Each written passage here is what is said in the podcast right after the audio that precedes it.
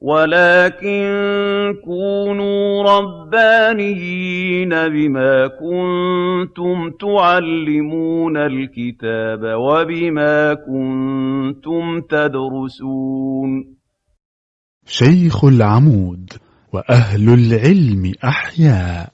شرح المنظومة البيقونية في علم مصطلح الحديث. المستوى الأول مع الشيخ هاني محمود. المحاضرة الخامسة. وقد انعقدت هذه المحاضرة يوم الأحد بتاريخ الثالث من سبتمبر عام 2017 من الميلاد. الموافق الثاني عشر من ذي الحجة من عام 1438 من الهجرة. بعد صلاة المغرب بمدرسة شيخ العمود بحي العباسية محافظة القاهرة. بسم الله والحمد لله والصلاة والسلام على سيدنا رسول الله صلى الله عليه وعلى آله وصحبه ومن والاه وبعد. آه، مرحبا بحضراتكم في المجلس آه، لعله السادس باين ولا الخامس مش فاكر. آه الخامس. في شرح هذه المنظومة المباركة. ونحن يعني قد أوشكنا على الفراغ منها فلم يبق لنا إلا تقريبا حوالي ستة عشر أو سبعة عشر بيتا تقريبا. ولكن يعني لا يهمنا الإنجاز بقدر ما يهمنا الاستيعاب. وأنا أدرك أن هذا العلم هو جديد عليكم فيما أعتقد وهو علم دقيق في نفس الوقت. فهذا العلم يشبه المنطق والرياضيات. وأنا أعتبر أن علم مصطلح الحديث هو علم عقلي. هو الشائع أنه علم نقلي. أنا في اعتقادي أن هذا علم عقلي.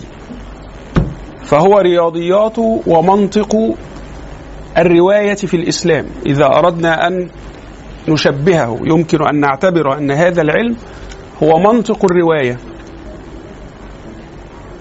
ما هو المنطق ما هي الفلسفة في رواية الأخبار في الإسلام وخاصة رواية أحاديث النبي صلى الله عليه وسلم. وأغلب قواعد هذا العلم عقلية لا يمتري فيها عاقل من العقلاء كما قلنا قبل ذلك حتى إن بعض الذين يحاربون الإسلام اعترفوا بأنهم تعلموا منهج النقد التاريخي من هذا العلم كالمستشرق رينان آه، في أحد كتبه لعله كتاب حياة يسوع. فأنا أدرك أنه من العلوم الدقيقة أولا وأنه جديد عليكم ثانيا ونحن لسنا مستعجلين آه، لدينا وقت ولدينا تأني فيعني من غمض عليه شيء أو وقف أمامه شيء فليسأل وليطلب أن أشرح ثانية. أنا لا أغضب من هذا أبدا بالعكس.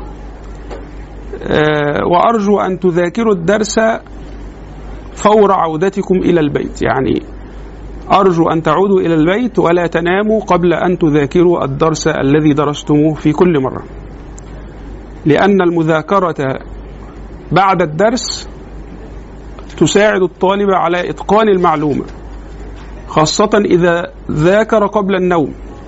فيعني قال علماء النفس والمتخصصون في المخ والأعصاب إن العقل يعمل أثناء النوم على تثبيت المعلومات التي قرأها الإنسان قبيل أن ينام. فأرجو منكم هذا الأمر أن تذاكروا فورا وألا تؤخروا المذاكرة لئلا تتراكم عليكم الدروس. وأريد أن أسن سنة نبدأ فيها من هذه المرة إن شاء الله. وهي آه، في نحن يعني معتادون على حفظ المتن وتسميعه وأرجو يعني أن نهتم بهذا. الأمر الثاني سأطلب من أحد منكم أو منكم جميعا في بداية كل محاضرة أن يقرأ علينا الأبيات التي شرحناها في المرة السابقة وأن يشرح لنا معناها باختصار. حتى نتأكد من أنكم استوعبتم الدرس استيعابا جيدا يعني إن شاء الله في أول كل درس هطلب من حد منكم ان هو يقرأ لنا الأبيات اللي شرحناها المرة اللي فاتت ويعني مش مش هطلب منه إن هو يشرحها باستفاضة ولكن على الأقل بس إيه يوضح لنا المعاني بتاعة الأبيات عشان بس نتأكد من إن أنتوا عندكم يعني شيء من الاستيعاب للدروس إن شاء الله. حد مستعد يعمل كده المرة دي؟ إحنا خدنا بتاع أربع خمس ابيات تقريبا المرة اللي فاتت يعني. آه, آه من أول عزيز ومروي اثنين أو ثلاثة آه. بيان المعنى بس يعني بيان معاني الأبيات. يلا حاول بما إنك أنت اللي نطقت بقى وجبته لنفسك. في آه، المتواتر بعد كده أيوه. بعد كده العزيز بعد كده الغريب. بالظبط آه، فوق آه، لا جماعة لا لا يشك في آه، صحة نقله. آه يستحيل اتفاقهم على الكذب. آه، ال- المشهور ثلاثة فيما فوق في كل. مستوى من مستويات الرواية. ال- اللي بعد كده مم. آه، عزيز واحد لا العزيز اتنين. آه الواحد ده بنسميه غريب آه. غريب هو واحد في كل طبقه تمام. لا ولو في طبقة واحدة. يعني ممكن يبقى في مثلا ثلاثة في طبقة أو خمسة في طبقة أو بس لقينا طبقة فيها واحد بس. يبقى ده نسميه غريب على طول. واخد بالك؟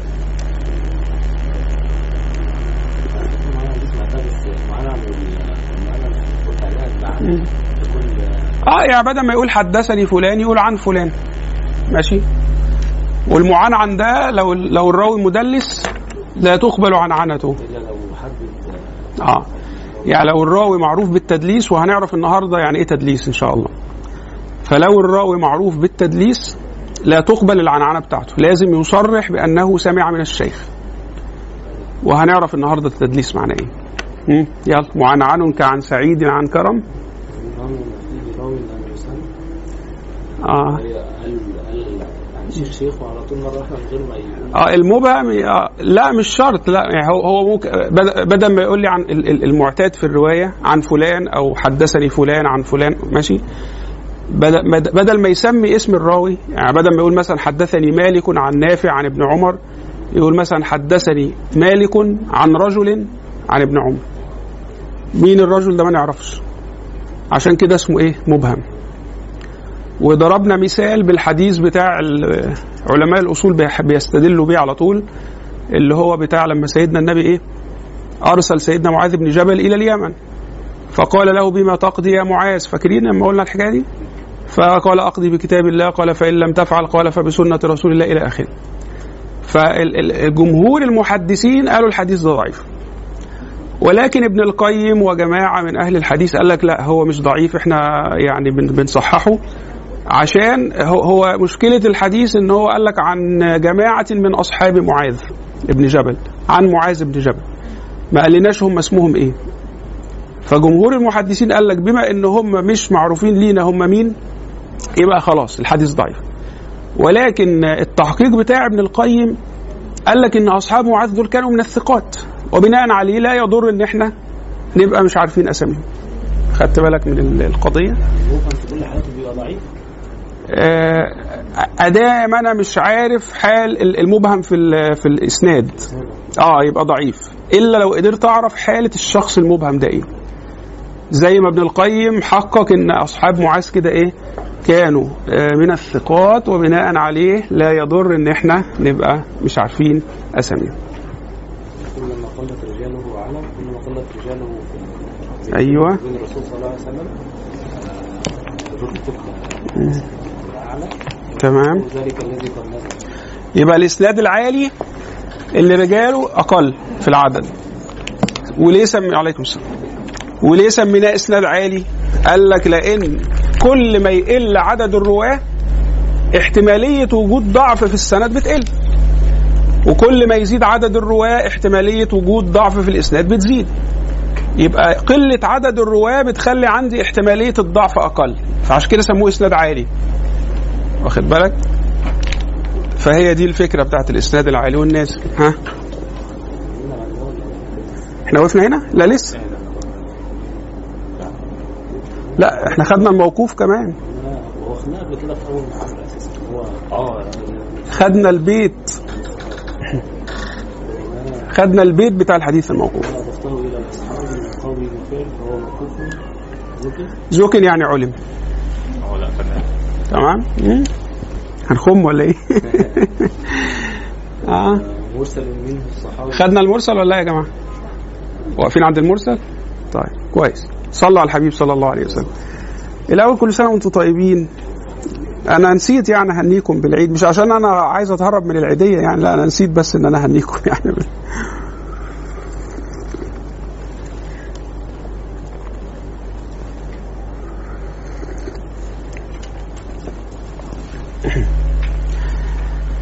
طيب آه، صلوا على الحبيب صلى الله عليه وسلم. آه، هنبدأ بقى النهارده إن شاء الله بإيه؟ آه، درس جديد يتعلق بالحديث الإيه؟ المرسل. إيه حكاية الحديث المرسل؟ الحديث المرسل بيكون واقع منه حد في نهاية السند. بيكون واقع منه حد في إيه؟ في نهاية السند. ماشي؟ فمثلا ال- المعتاد إن مين اللي بيروي عن النبي صلى الله عليه وسلم عادة؟ الصحابي. صح كده؟ فاجي ألاقي حديث التابعي بيقول لي فيه قال رسول الله صلى الله عليه وسلم إيه؟ كذا وكذا وكذا. زي كده تبصوا معايا مثلا هنا.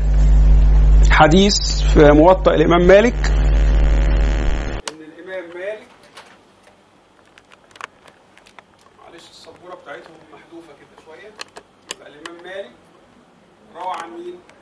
عن زيد بن اسلم عن عطاء بن يسار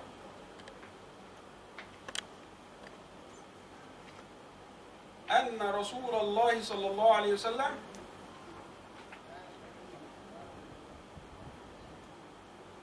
قال إن شدة الحر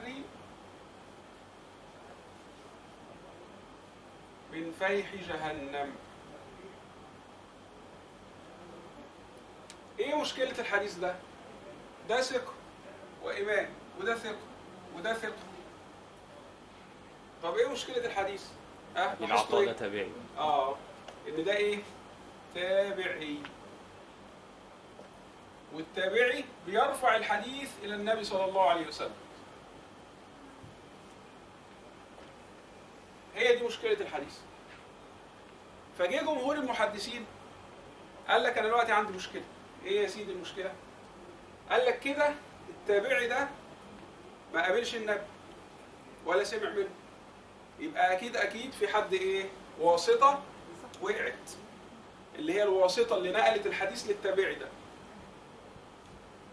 طب يا جماعة ما هو الواسطة عادة بتكون الصحابي يعني والصحابة كلهم عدول ما فيش مشكلة. قال لك لا ما هو احتمال احتمال لأن إحنا بالتجربة لقينا إن ممكن التابعي يروي عن تابعي تاني والتابعي ده يروي عن الصحابي فاحتمال الواسطة اللي تكون واقعة ما تكونش من الصحابة تكون من التابعين. ما هو لو الصحابي بس هو اللي وقع هنقول مش مشكلة الصحابة كلهم عدول. يعني انت لو قلت مثلا هنا عن عطاء عن عن صحابي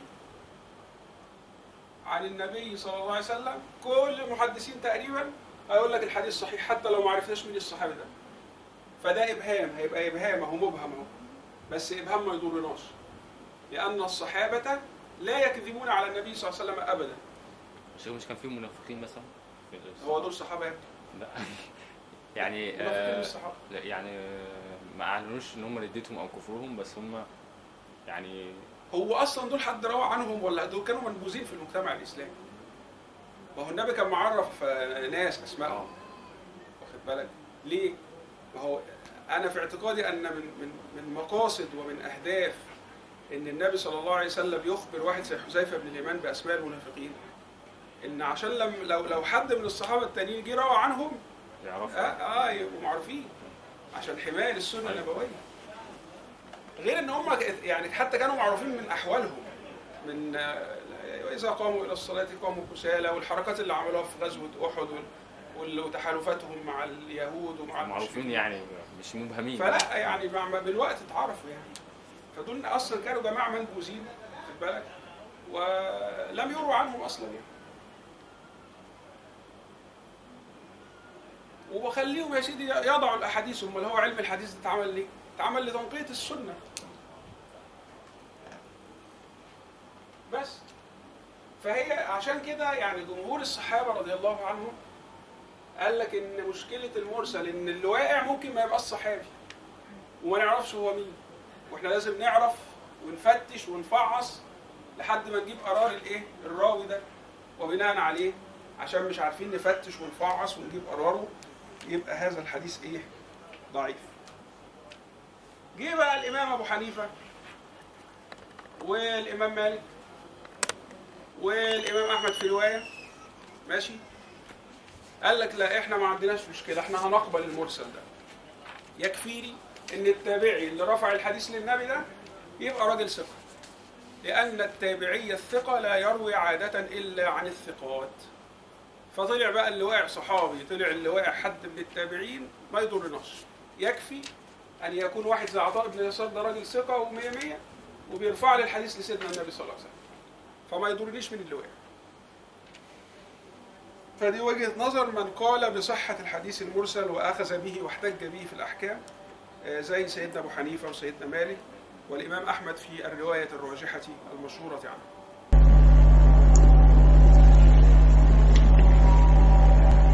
ادي قصة الإيه؟ الحديث المرسل عرفنا معناه ومثاله وحكمه إن هو ضعيف عند الجمهور خلافا لأبي حنيفة ومالك وأحمد في الرواية المشهورة عنه. في ناس قالت لك والله إحنا هنقبل المرسل بشروط زي الإمام الشافعي. حط له كده حوالي خمس ست شروط لقبول الإيه؟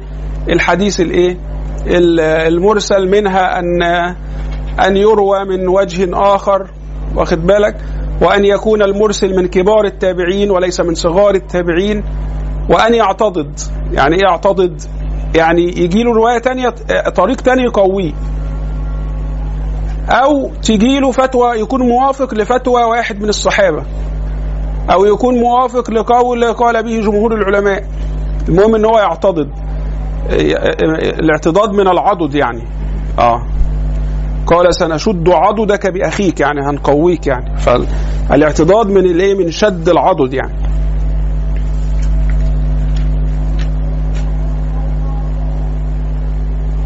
وجمهور المحدثين اللي ضعفوا المرسل قالوا لو اعتضد بشيء آخر يقويه فإنه يكون إيه؟ يكون صحيح.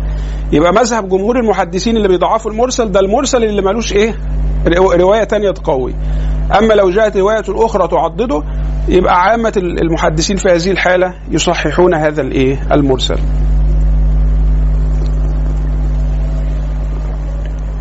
طيب اقرأ كده الأبيات.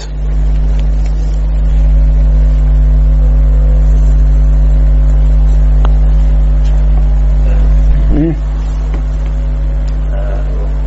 ومرسل منه الصحابي وكل- غريب ما رو ما روى راو فقط آه ومرسل منه الصحابي سقط الشراح اعترضوا على مولانا الشيخ البيقوني هنا ليه؟ لأنه عرف المرسل بإيه؟ صحابي فقط قال إيه وجه الاعتراض؟ لسه قايلين ها؟ لو أنا عرفت المرسل بأنه ما سقط منه الصحابي هيبقى الحديث المرسل كده فيه مشكلة؟ آه ممكن يبقى مش هيبقى فيه مشكلة؟ آه يعني إيه، أكملي. لو لو لو ضمننا إن اللي سقط ده صحابي خلاص ما كانش بالظبط كده آه.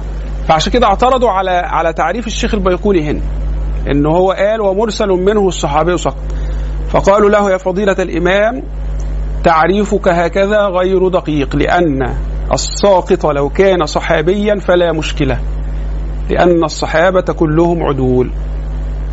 ولذلك التعريف الأدق للمرسل اللي هو هكتبه لكم اهو هو إيه؟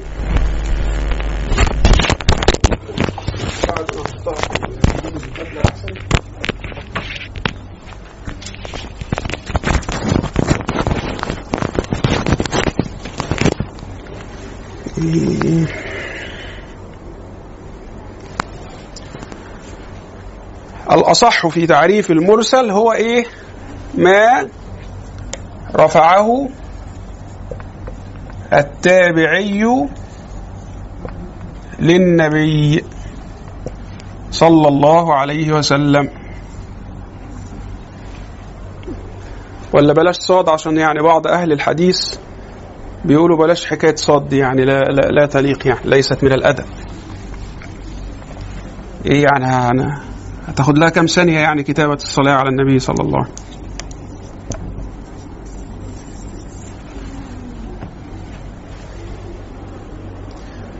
بطلوا كسل بقى. هذا هو الم... ال- الأرجح في تعريف الحديث الإيه؟ المرسل. كان في رسمة هنرسمها بس نخليها بعد ما ناخد المعضل والإيه؟ والمنقطع. اللي إحنا أصلا خدناهم قبل كده بس عشان الأبيات بتاعتهم هتيجي النهارده. اقرأ بقى الأبيات. والمعضل والمعضل الساقط منه اثنان وما أتى مدلسا نوعان. مدلسا. إيه، إحنا كملنا استنى إحنا كملنا يا ابني ال- البيت ال- ومرسل منه الصحابي سقط وقل غريب ما روى راو فقط. أظن شرحنا الغريب قبل كده. وقلنا مثاله زي إنما الأعمال بالنيات. وقلنا الغريب إن أنا بلاقي في أي طبقة من طبقات السند انفرد راو برواية الحديث. ماشي؟ فيعني نحيل بقى إلى ما سبق. طيب. آه طب نقرأ البيت ده. ومرسل منه الصحابي سقط. ومرسل منه الصحابي سقط. وقل غريب ما روى راو فقط. فقل غريب ما روى راو فقط. وما أتى مدلسا نوعان هنكمل. وكل ما لم يتصل بحال وكل ما لم يتصل بحال إسناده مقطع الأوصال.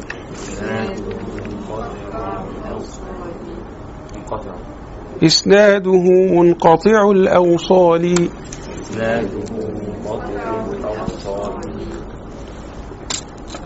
والمعضل الساقط منه اثنان. والمعضل الساقط منه اثنان وما أتى مدلسا نوعان وما أتى مدلسا نوعان الأول الإبهام للشيخ وأن. الأول الإسقاط للشيخ وأن. الأول الإسقاط للشيخ وأن. يروي عمن فوقه بعن وأن. ين الأول الإسقاط للشيخ وأن الأول الإسقاط للشيخ وأن ينقيل عمن فوقه بعن وأن ينقل عن فوقه بعن وأن ينقل أفضل يعني. ينقيل عم يا مشكلة عندكم ينقل؟ نقل. آه، أصل هي أظن نقل ينقل. فيها فيها ألف. أنا بتكلم على الف... ال... ال... نقل لا مش مقتنع بينقل دي. خليها ينقل ينقيل عمن فوقه بعن وأن ينقل عن في من ممن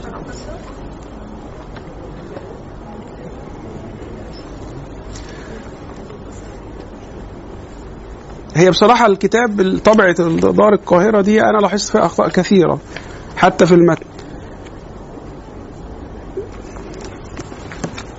هو قال ينقل ممن فوقه لا هي طب نشوف في الشرح حتى ما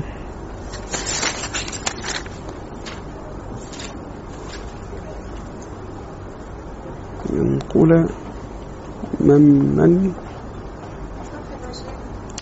لا خليها ينقل عمن فوقه ينقل حتى هو في الشرح قال إيه؟ ينقل ممن قال أي عن شيخ شيخه. حتى هو في الشرح فسرها يعني خلاها ينقل ينقل عمن فوقه بعنوان. الأول الإسقاط للشيخ وأن ينقل عمن فوقه بعنوان. طب إحنا برضو أنا دي بقالي شهرين بدور عليها من أول ما بدأنا يعني لأن ده شرح الشيخ الزرقاني على البيقونية فلسه لاقيها النهارده وأنا بدعبس في الكتب. شكرا يا سيدي.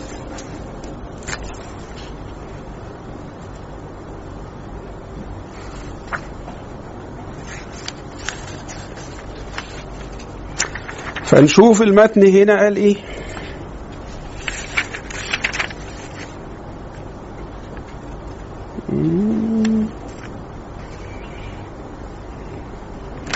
أو صول مدلسا أو عالي أهي شفت يا باشا؟ وأن ينقل عمن فوقه. المتن هنا عمن خلوها عمن. فخلي دي مفتوحة عشان نستبارك بيها.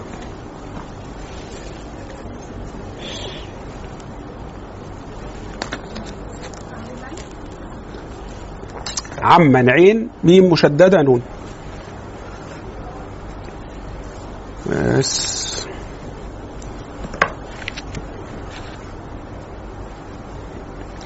طيب صلوا على الحبيب صلى الله عليه وسلم. نقوله تاني بقى. ده مولانا الشيخ الزرقاني صحح لنا. آه، الأول الإسناد للشيخ وأن الأول الإسقاط للشيخ وأن ينقل عمن فوقه بعن وأن والثاني لا يسقطه لكن يصف والثاني لا يسقطه لكن يصف أوصافه بما به لا ينعرف وما يخالف والثاني لم يس والثاني لا يسقطه لكن يصف. أوصافه بما به لا ينعرف. وما يخالف ثقة فيه الملأ. فالشاذ والمقلوب قسمان تلا. إبدال راو ما براو قسم. وقلب إسناد لمتن قسم. والفرد ما قيدته بثقتي. أو جمع أو قصر على روايتي. أو جمع أو قصر على روايتي أو قصر احذفوا الهمزة اللي فوق أو لأن هي بالتسهيل من من بحذف الهمزة حفاظا على وزن البيت.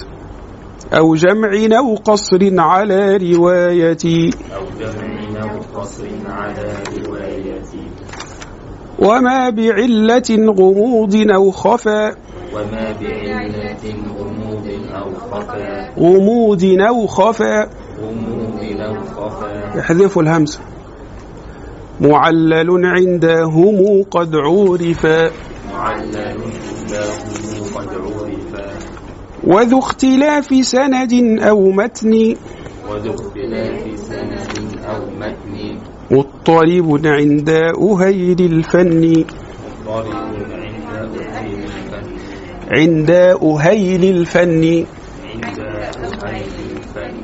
أهيل تصغير أهل يعني. وهو أتى بها أهيل كده للحفاظ على وزن البيت.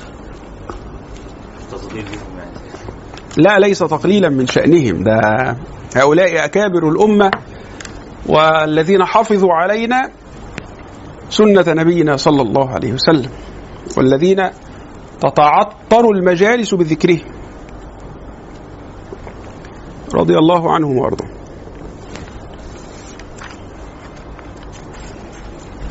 شوف يا سيدي ده إحنا بقى إحنا هنطمع بقى ده, ده كفاية كده. بس إحنا نشرح دول النهارده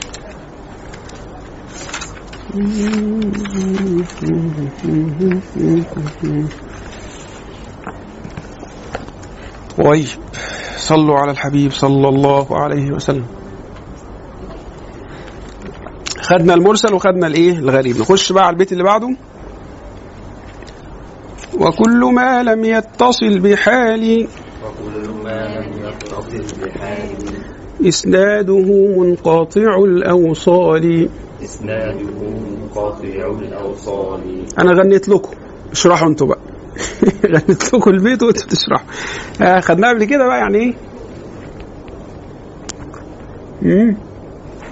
وكل ما لم يتصل بحالي الحديث اللي مش متصل. يعني إيه مش متصل؟ يعني في حد واقع. في راوي منه أو أكثر. راوي أو أكثر. وقع من النص أو من الأول أو من الآخر من أي حتة. المهم إن في راوي ناقص. في حتة ناقصة من من السند. إسناده منقطع الأوصال. ده إيه؟ منقطع. تمام؟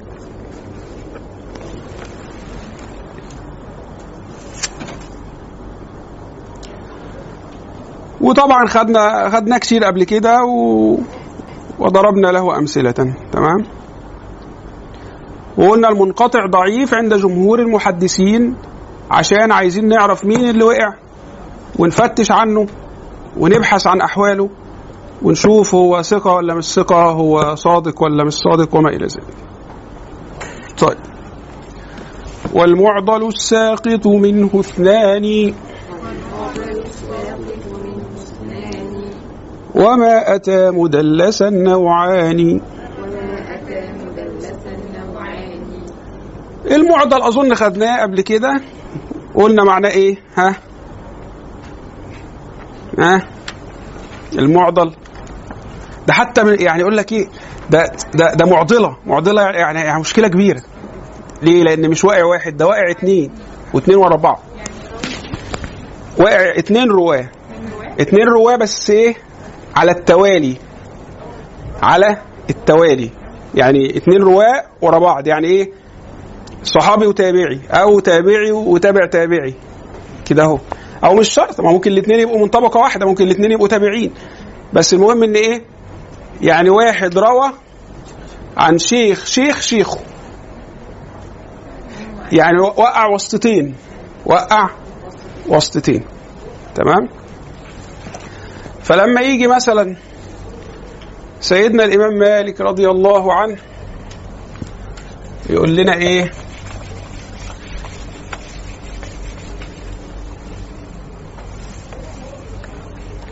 يبقى مالك قال إيه؟ بلغني عن أبي هريرة رضي الله عنه أن رسول الله صلى الله عليه وسلم قال للمملوك طعامه وكسوته. ليه حطيت دايرة هنا على كلمة بلغني؟ ها؟ أه؟ مين يجاوب؟ ان في حد ساقط ما قالش حدثني بلغني يعني. مش شرط. قال عن الرسول صلى الله عليه وسلم يعطيه بلا أي إسناد. آه هو مالك؟ شاف النبي؟ شاف حد من الصحابة؟ آه شاف حد من التابعين. لأن هو من أتباع التابعين صح؟ مالك؟ عن نافع عن آه نافع من التابعين. فهنا إحنا متأكدين 100% إن مالك ما شافش أبو هريرة ولا سمعه ولا عاش في العصر اللي هو كان فيه أصلا. يبقى حتما قطعا جزما في واحد في ناس واقعة في حد واقع. يبقى في انقطاع. لما قعدوا يفتشوا ويفعصوا لقوا إن اللي واقع اتنين مش واحد. اللي هم مين؟ اللي هم محمد بن عجلان.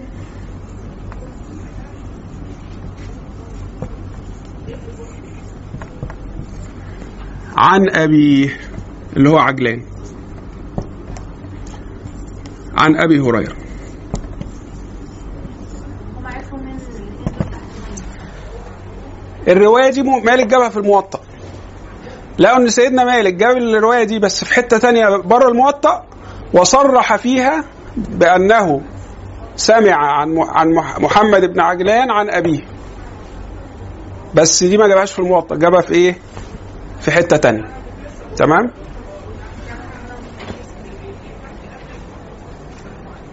بس ده مش تدليس. ده مش تدليس. التدليس إحنا هناخده بس قاعدين اهو بن- بنمهد ليه. ده مش تدليس ليه؟ لأن التدليس بيدي عبارة زي كده عبارة زي كده زي بلغني أو عن فلان. مش حكاية هي هو بيكون في حد ساقط بس هو بيدي عبارة زي كده بس اللي بيروي عنه بيكون هو سمعه أو أو من شيوخه. يعني اللي بيجي يقول بلغني عن فلان فلان ده يبقى من شيوخه. فيبقى وارد إن هو فيبقى إحنا إحنا عارفين إن هو قابل فلان ده بس هو ما سمعش منه الحديث. عشان كده ده تدليس.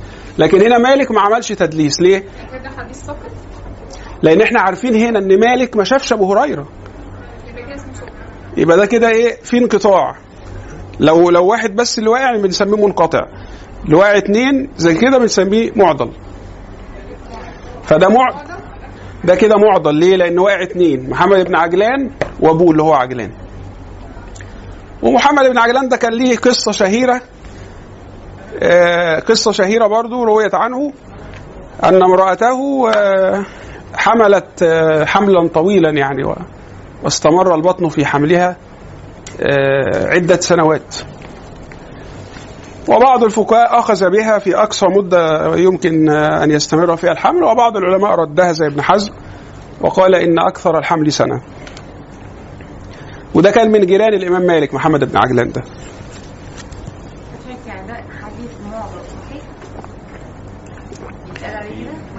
عليه لو ما لو ما لو ما كانش عندنا لو ما كانش عندنا إلا الإسناد ده بس كنا هنقول عليه ضعيف. بس لقينا له إسناد تاني متصل. فخدنا منه اللي وقع. وابن عجلان ده ثقة. وابن مالك قال ولنا جار صدق اسمه محمد بن عجلان. حدثنا أن امرأته حملت مش عارف ست سنين ولا كام. فقال هو جار صدق. فيبقى ده راجل ثقة. وأبوه برضه اللي هو عجلان كان راجل ثقة. يعني ده كده الحديث؟ الحديث ده صحيح. بس مش اعتمادا على الإسناد ده. اعتماد الإسناد ده معضل مش الحديث اللي معضل. اللي معضل اللي معضل هو الإسناد ده. لكن الإسناد ده متصل. فخدنا منه البيانات الداتا اللي كانت ناقصانا هنا. فوصلنا بده الإسناد ده إحنا عشان نشوف حديث ونعرف إحنا على طول كده بنتعب قوي إحنا ما بنبقاش أصلا عارفين الاسامي والله بص يعني اولا يعني خلوا خلوا عندكم طموح يعني. يعني خليك انت أول خليك انت أول أول محدثة في الأمة بعد كريمه المروزيه كريمه المروزيه دي شيخة الإمام ابن حجر العسقلاني. ماشي؟ كان في برضو يعني إمامات في الحديث في ظهر ظهرنا في أمة الإسلام. فكانت السيدة كريمه المروزية دي راوية صحيح هي اللي ابن حجر أو أحد إحدى الشيخات اللي ابن حجر صحح عليهم صحيح البخاري. بس فخليك انت بقى إيه؟ كريمه المروزية. الثانية بقى. كريمه المروزية. مروزيه نسبة إلى مرو مرو دي في في, في إيران دلوقتي مم. طب إحنا ليه نشوف الحديث ده مثلا يعني آه، طب يعني مثلا لو بال- بال- بالاسناد الأول اللي هو سقط منه اثنين ده ليه ما ما, ما يتركش أصلا؟ عارفين هم مين الاثنين اللي سقطوا. ما إحنا عرفنا أهو يا جماعة. لا ما إحنا بنحكي في إيه؟ إن إحنا مفيش روايات ثانية كان هيبقى ضعيف أه. آه ليه ما يبقاش مكتوب أصلا؟ ما إحنا ما نعرفش مين الساقط ما احتمال يكون الحد اللي ساقط ده حد كاذب أصلا. يكون هو اخترع الحديث أساسا. يعني مش مثلا آه أنت ما بتتكلميش على المثال ده أنت بتتكلمي بشكل عام آه. المعضل بشكل عام. لا ما نقدرش نقول عليه موضوع. لأن الحديث الموضوع ده أنا. أجزم بأنه كذب على النبي صلى الله عليه وسلم. لكن أنا ممكن يبقى واقع عندي اثنين بس احتمال الاثنين دول يكونوا من الثقات. على فكرة يا جماعة الأحاديث الضعيفة احتمال تبقى صحيحة. بس عشان ما عندناش اللي يخلينا نتأكد من ال- المشكلة دي آه، حلها إزاي؟ بنخليها يعني. يعني الحكم بالضعف ده حكم احتياطي. يعني الحديث الضعيف احتمال يبقى صحيح. بس عشان أنا مش قادر أصححه كأني بتوقف إلى أن يثبت الإيه؟ العكس. هو ده معنى ضعف الحديث. مش موضوع. يكون ضعيف في مساحة برضه يكون موضوع. يعني ضعيف في مساحة الضعيف ده احتمال يبقى صحيح واحتمال يبقى حسن واحتمال يبقى موضوع واحتمال يبقى مكذوب. كل الاحتمالات فيه واردة. بالظبط كده. آه. فالمعضل أنا ما أقدرش أقول عليه إنه موضوع. ليه؟ لأن ممكن الاثنين اللي واقعين يبقوا من الثقات ويبقى صحيح. بس أنا مش مش قادر أحكم عليه بكده لأن ما عنديش البيانات اللي تمكنني من التصحيح بتاعه. هنا لقيت البيانات أهو. لقيت مالك جاب لي نفس الحديث بنفس الإسناد عن أبي هريرة بس بره الموطأ وعرفني مين الاثنين اللي واقعين. فخدت من الإسناد ده البيانات اللي عرفتني إن الناس اللي واقعة من الإسناد اللي فوق آه، ناس من الثقات فايه؟ فجبرت بيهم الإسناد اللي فوق. يبقى المعضل ده وصف للسند مش وصف للمتن مش وصف للحديث. المعضل ده عندي إسناد معضل. والله لو لو لو الحديث ما جاليش إلا بالإسناد ده هضعف الحديث. لقيت الحديث جاي بروايات تانية صحيحة هصحح الحديث. تمام؟ شيخ حكم المرسل؟ المرسل. إذا كان له معضد فلا مشكلة فيه. يبقى صحيح مع توفر الشروط الأخرى. إذا لم يكن له معضد فهو ضعيف عند الجمهور.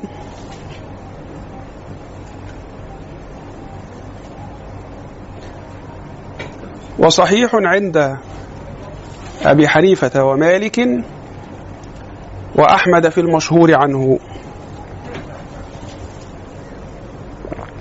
في حد يشهد عند أبي حنيفة ومالك وأحمد في المشهور عنه.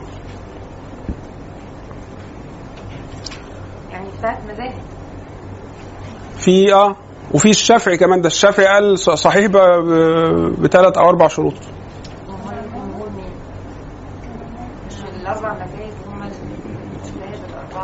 دي المذاهب الأربعة دي في الفقه لكن إحنا هنا في الحديث. جمهور المحدثين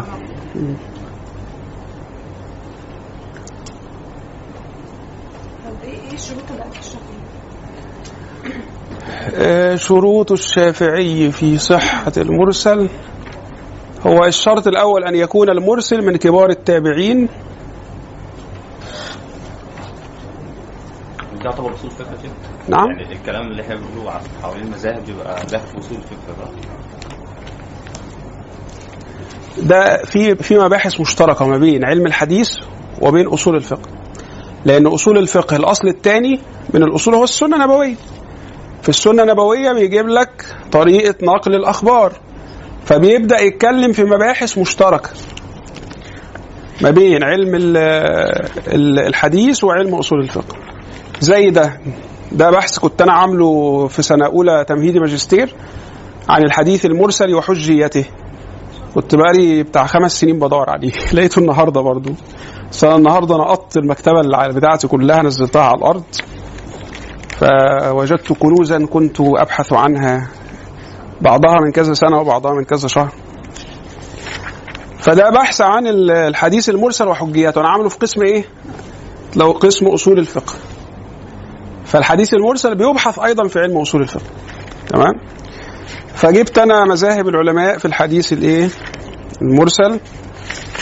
تمام؟ فلو عايزين يعني بما إنكم سألتوا في المرسل فهو لو عايزين تاخدوه تصوروه ماشي مفيش أي مشكلة يعني. فهو تقريبا أنا أنا وصلتهم لأربع مذاهب. أو لا هو في أربع حالات. آه آه هو في أربع حالات. في مرسل الصحابي ده صحيح وفي مرسل التابعي اللي هو رفعه التابع. يعني المهم مش مش هندخل في إيه في عشان ما نصعبش عليكم المسائل لكن على أي حال إيه يعني المرسل فيه بعض التفاصيل كده مش يعني بتبحث في مستوى يعني آه، متقدم شوية عشان ما ما نصعبش عليكم ال- المسألة يعني. تمام.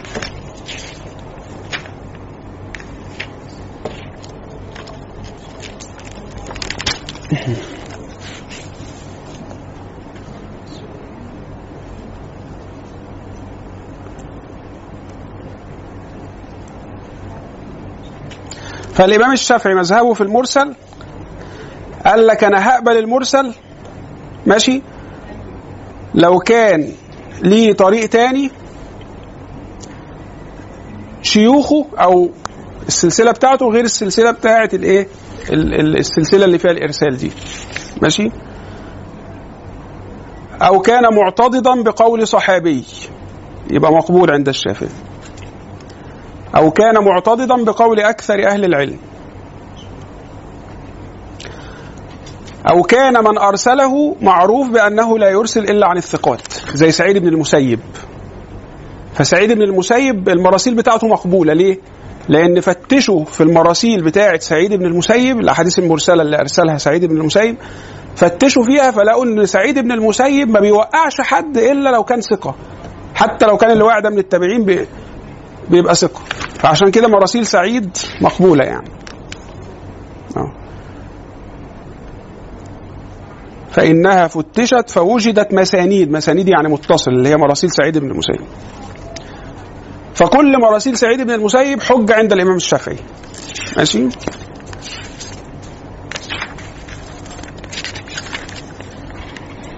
عايزين بقى توسع أكتر البحث اهو لو حد عايز ياخده يصوره ولقيت لكم برضو دوت آه، سيدنا الشيخ مصطفى الندوي اللي هو شيخي اللي حدثتكم عنه كان قد أهداني هذا الكتاب عن إيه؟ ده جمع فيه كل الأحاديث المسلسلة. فاكرين المسلسل؟ بالأولية والمسلسل بالتبسم ومش عارف إيه. فده يعني إيه؟ آه، يعني برضو آه، تكرم علي بإجازة كمان أهوت ممكن برضو عشان يعني تألفوا عبارات أهل الحديث يعني.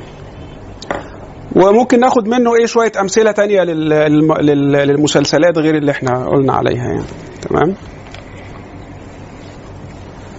طيب جزاكم الله خيرا. أنتوا اتفضلوا حضراتكم. اتفضلوا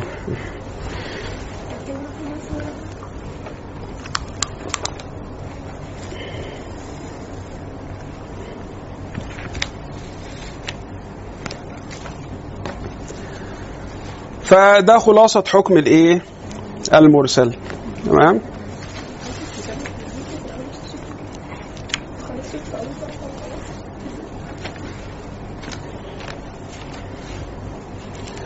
طيب وصلنا لفين؟ الأول إسقاط من الشيخ مم.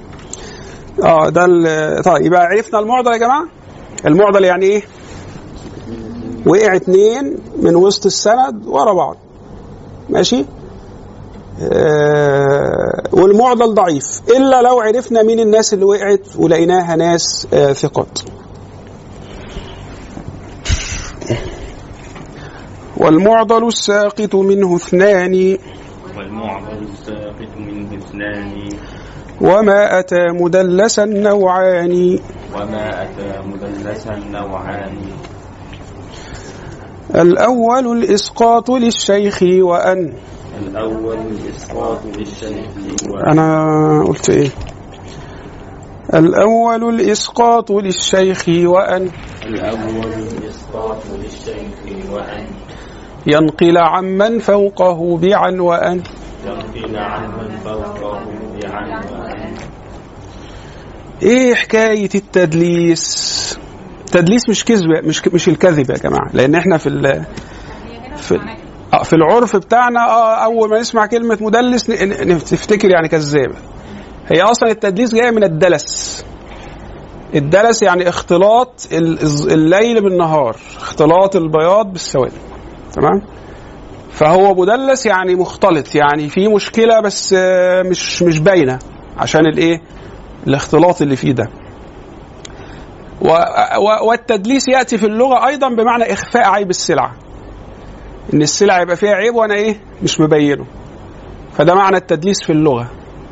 يبقى التدليس في اللغة إما أنه من الدلس بمعنى اختلاط الظلام بال- بالنهار أو إخفاء عيب السلعة. فده وجه الشبه بإيه؟ بالحديث المدلس. والحديث المدلس ليس كذبا لأن اللي بيكذب ده بيسموه سارق. يقول لك مثلا في كتب الرجال أو كتب الجرح والتعديل وهذا سارق يسرق الحديث. السارق ده هو اللي بيكذب بقى. آه. لكن المدلس مش كذاب. المدلس ما بيدينيش المعلومة كاملة. ده الفرق بين المدلس والكذاب.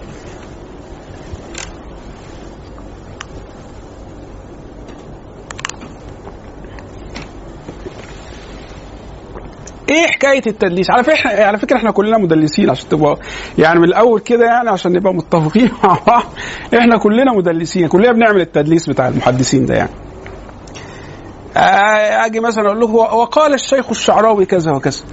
وأنا لا شفت الشيخ الشعراوي ولا سمعته ولكن إيه؟ سمعت حد بيقول إن الشيخ الشعراوي قال كذا فأجي أقول لكم قال الشيخ الشعراوي. فممكن أنتوا تفتكروا إن أنا سمعتها منه شخصيا أو قابلته؟ وأنا لا قابلته ولا سمعته. بس أنا مش كذاب لأن إيه؟ لأن أنا مش مش مش بألف يعني. أنا بقول قال الشعراوي بناء على إن أنا سمعت حد بينقل عن الشيخ الشعراوي. بس بدل ما أقول لكم فلان قال لي إن هو قابل الشيخ الشعراوي والشيخ الشعراوي قال له كذا فأقول لكم إيه؟ قال الشعراوي كذا وكذا وكذا. ومع ذلك برضو المحدثين ما سابوش المدلسين في حالهم برضو.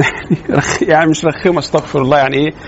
برضو فتشوا وراهم آه، من من باب إيه؟ يعني شدة الاحتياط لسنة النبي صلى الله عليه وسلم. صليتوا على الحبيب.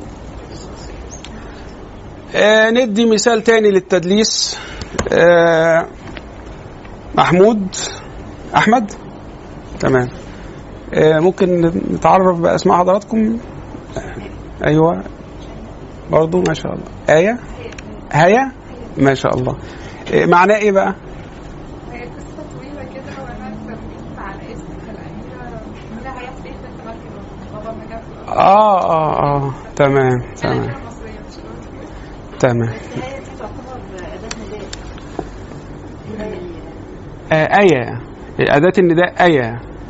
آية آية جارة لو تعلمين بحالي. في هيا بقى. هيا دي آه يعني اسم فعل أمر بمعنى تعالوا يعني. هيا بنا نؤمن ساعة إلا لو أنت متأكدة إن في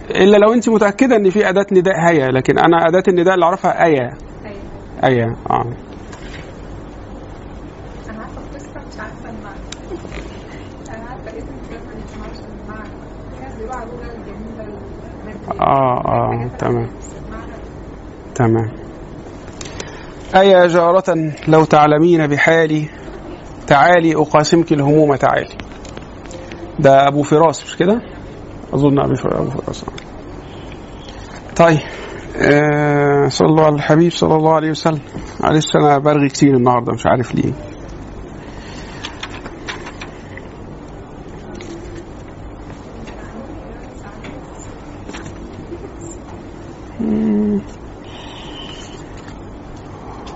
طيب. وما أتى مدلسا نوعان وما أتى الأول الإسقاط للشيخ وأن. الأول الإسقاط للشيخ وأن ينقل عمن فوقه بعن وأن. ينقل عمن فوقه بعن وأن والثاني لا يسقطه لكن يصف والثاني لا يسقطه لكن يصف. أوصافه بما به لا ينعرف. أوصافه بما به لا ينعرف. طيب صلوا على الحبيب. يبقى قلنا التدليس معناه في اللغة والتدليس يختلف عن الكذب لأن الكذب بقول سمعته الكذاب ده بقى هو اللي يقول أنا سمعت وهو ما سمعش. آه ده يبقى كذاب. لكن المدرس ما بيعملش كده.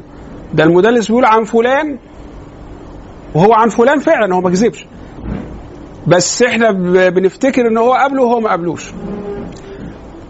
أو أو ممكن يكون قبله بس ما سمعش منه. الحديث ده. أو ممكن يكون سمع منه أحاديث ثانية بس ما سمعش منه الحديث. يعني مثلا سمع منه خمس أحاديث وروى لنا عنه عشرة. آه يبقى في خمسة من العشرة فيهم تدليس. آه تمام؟ فأدي فكرة التدليس. أو مثلا إيه أنا مثلا أجي أقول لكم إيه مقولة أيها الناس اتقوا الله. ماشي؟ ومحمود كان غايب النهارده وكان اللي حاضر إيه أحمد و شيماء شيماء آه، هاي. هم اللي كانوا حاضرين وكان محمود إيه؟ هو اللي غايب. ماشي؟ فيجي أحمد يروح يقول لمحمود ده الشيخ هاني قال لنا أيها الناس اتقوا الله.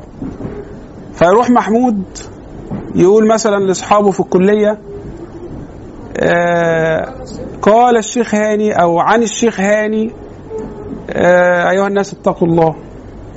آه. بس هو إيه هم يفتكروا إن هو كان حاضر الدرس ده وسمع مني لكن هو ما إيه ما كانش حاضر وما سمعش مني هم ليه افتكروا كده؟ لأن هم عارفين إن محمود بيجي يحضر في شيخ العمود وبيحضر درس شرح البيكونية. فلما يقول لهم كده هيفتكروا إن هو كان حاضر وسمع بودنه يعني آه. لكن هو لا كان حاضر ولا سمع. ماشي؟ فهي دي فكرة التدليس باختصار يعني. في نوعين من الت... هو في أنواع تانية برضو من التدليس يعني عشان برضه يعني إيه يبقى معرفكم. بس هو الشيخ هنا ما بيجيبش كل حاجة بيجيب ما يناسب الطالب المبتدئ. آه، فهو هنا جاب نوعين اللي هو تدليس الإسناد وتدليس الشيوخ. تدليس الإسناد اللي إحنا قلنا عليه ده إن هو بيروي عن واحد هو من شيوخه وكل حاجة بس هو ما سمعش منه الحديث ده. بس مش بيكذب هو بيجيب عبارة أنا أفهم منها إن هو سمعه منه. عبارة محتملة. يعني عبارة تحتمل إن هو سمع وتحتمل إن هو ما سمعش. زي عن فلان وزي بلغني وزي بس مش بلغني بتاعت الإمام مالك لأن الإمام مالك إحنا كنا عارفين إن هو ما قابلش أبو هريرة فده مش تدليس. لكن عارف لو مالك هنا قال لو قال بلغني عن نافع كذا كذا بس هو ما كانش سمع الحديث ده من نافع كان يبقى تدليس. لأن نافع من شيوخ مالك. آه. فلو قال بلغني عن نافع حديث بس الحديث ده هو ما سمعوش من نافع كان هيبقى تدليس. لأن إحنا عارفين إن نافع من شيوخ مالك. لكن ليه هنا هو مش تدليس؟ لأن إحنا عارفين إن أبو هريرة مش من شيوخ مالك المباشرين يعني. هو شيخ شيخ شيخه صليت بنا على الحبيب صلى الله عليه وسلم. وما أتى مدلسا نوعان. وما أتى مدلسا نوعان الأول الإسقاط للشيخ وأن. الأول الإسقاط للشيخ وأن. ينقيل عمن فوقه بعن وأن. ينقل عمن فوقه بعن وأن. أظن مفهومة يعني ينقل عن شيخ عن يعني يوقع واحد يوقع واحد اللي هو اللي هو الواسطة ويروي عن اللي بعد منه بس هو ما سمعش الحديث منه مباشرة. بيوقع الواسطة بقى الاحتمالات بقى. إما بيوقعها لأنه هو شايف إن مفيش مشكلة. ما هو أنا يا جماعة ثقة. أنتوا واثقين فيا. وعارفين إن أنا لا أروي إلا عن الثقات. فأنا شفت إن مفيش مشكلة إن أنا يعني ما أذكرش الواسطة ده يعني. زي ما زي أنا كده ما عملت لما جيت قلت لكم قال الشعراوي. آه. ومع ذلك المحدثين برضو أدام عرفنا إن في حد واقع لازم نفتش عن حاله ونعرف هو مين. ولذلك المحدثين لم يقبلوا حديث الراوي آه المعروف بالتدليس إلا إذا صرح بالسماع. يعني كان في رواه معروفين بالتدليس زي بقية بن الوليد كده. ولذلك قالوا أحاديث بقية ليست نقية. فبقية ده كان معروف بالإيه؟ بالتدليس. وفي رواة كتير معروفين بالت... والتدليس تقريبا لم يسلم منه راوي. حتى أئمة الحديث الكبار لم يسلموا. كان بعضهم يقول بلغني وبعضهم يقول عن, فلان. بس هو التدليس في حد ذاته مش قادح. القادح إن إحنا ما نبقاش عارفين مين اللي إيه مين اللي وقع. أو المعروف بالتدليس لا يصرح بالسماع. فالمعروف بالتدليس لا يقبل حديثه حتى لو كان ثقة إلا إذا صرح بالسماع فقال حدثني أو أخبرني. ساعتها نقبل حديث الإيه المعروف بالتدليس. يبقى حكم الحديث المدلس باختصار أن ال- الراوي المعروف بالتدليس يجب أن يصرح بالسماع حتى يقبل الإيه؟ الحديث. طب شوف تعريفه الأول إيه؟ آه الحديث المدلس فيه تدليس إسناد وفي تدليس الشيوخ. فقلنا تدليس الإسناد زي ما قال الشيخ أن يسقط شيخه ويروي عن شيخ شيخه بعبارة محتملة للسماع وغيره. مثل قوله عن فلان أو قوله بلغني أو قوله أن فلانا قال بدل ما يقول حدثني أو أخبرني يقول بل- بلغني أو يقول عن فلان أو يقول أن فلانا قال.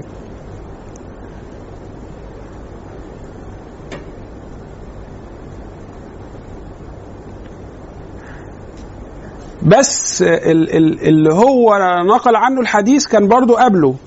كان قبله برضه. يعني يعني كان كان معروف بأنه التقى به. واخد بالك؟ لأن لو معروف إن هو ما التقاش بيه ده هيبقى انقطاع. أنا منقطع على طول أو معضل. زي ما قلنا مالك قال بلغني عن أبي هريرة كده. تمام؟ فده اسمه تدليس الإسناد. نعم؟ يقدر يقول عن فلان عن فلان ما يقولش اسم الشيخ آه، يعني زي ما قلنا كده مثلا مالك مثلا يقول إيه؟ عن نافع. فإحنا عارفين إن هو نافع ده من من من الناس اللي هو قابلهم وكان بيروي عنهم. بس اتضح بقى إن في الحديث ده بالذات هو ما سمعوش من نافع ده هو سمعه من واحد تاني عن نافع بس ما ذكرش الواسطة ده. أه فده يبقى تدليس هنا. بس إحنا اشتبه يعني إحنا إحنا يعني آه، آه، افتكرنا ليه ان هو سمعه من نافع لأن هو نافع ده أصلا من شيوخه بس الحديث ده بالذات هو ما سمعوش منه طب إحنا ليه هو ما سمعوش منه؟ ما هو التدليس بيعرف بعد البحث والتفتيش ما هو هو هم عرفوا الأحاديث المدلسة منين؟ إن هم بالبحث والتفتيش لقوا إن لقوا إن إن الراوي بيروي الحديث عن شيخه بس الحديث ده بالذات هو ما سمعوش من شيخه. سمعوا من واحد تاني عن شيخه بس ما قالش الواحد التاني ده.